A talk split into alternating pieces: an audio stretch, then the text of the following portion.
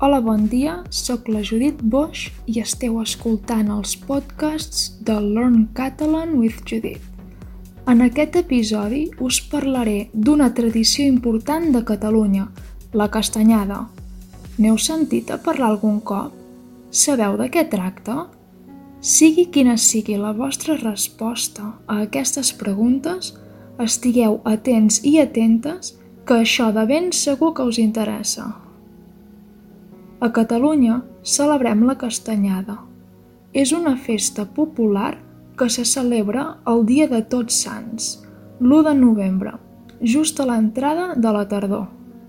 De normal, la tardor ja és una de les estacions de l'any més boniques, perquè els carrers i els boscos estan plens de fulles dels arbres que van caient al llarg del dia. És una època en què podem trobar arreu de Catalunya paisatges molt macos. Per tant, és un dels millors moments per sortir de casa i fer passejades pels pobles, ciutats i muntanyes.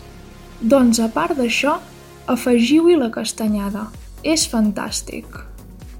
Per cert, vull fer un petit incís.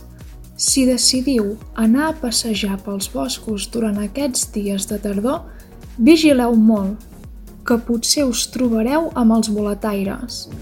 Aquí a Catalunya, anar a buscar bolets també és una de les grans tradicions d'aquests dies. Ho sabíeu? Tornant amb el que us estava explicant, la castanyada és un dia important pels catalans i catalanes. Cada any, a la nit del 31 d'octubre, ens reunim amb els familiars per menjar castanyes tots junts i passar una bona estona. Les castanyes és l'element clau d'aquest dia. D'aquí ve el nom de la castanyada, tot i que també les acompanyem dels panellets, que per cert són molt i molt bons. N'hi ha de molts tipus diferents. Els de pinyó són els més típics, però també n'hi ha d'ametlla, de xocolata, de coco, de taronja i molts més estan per llepar-se'n els dits. Les castanyes, en canvi, són més simples. Es poden fer torrades o bullides. A mi m'agraden de les dues maneres.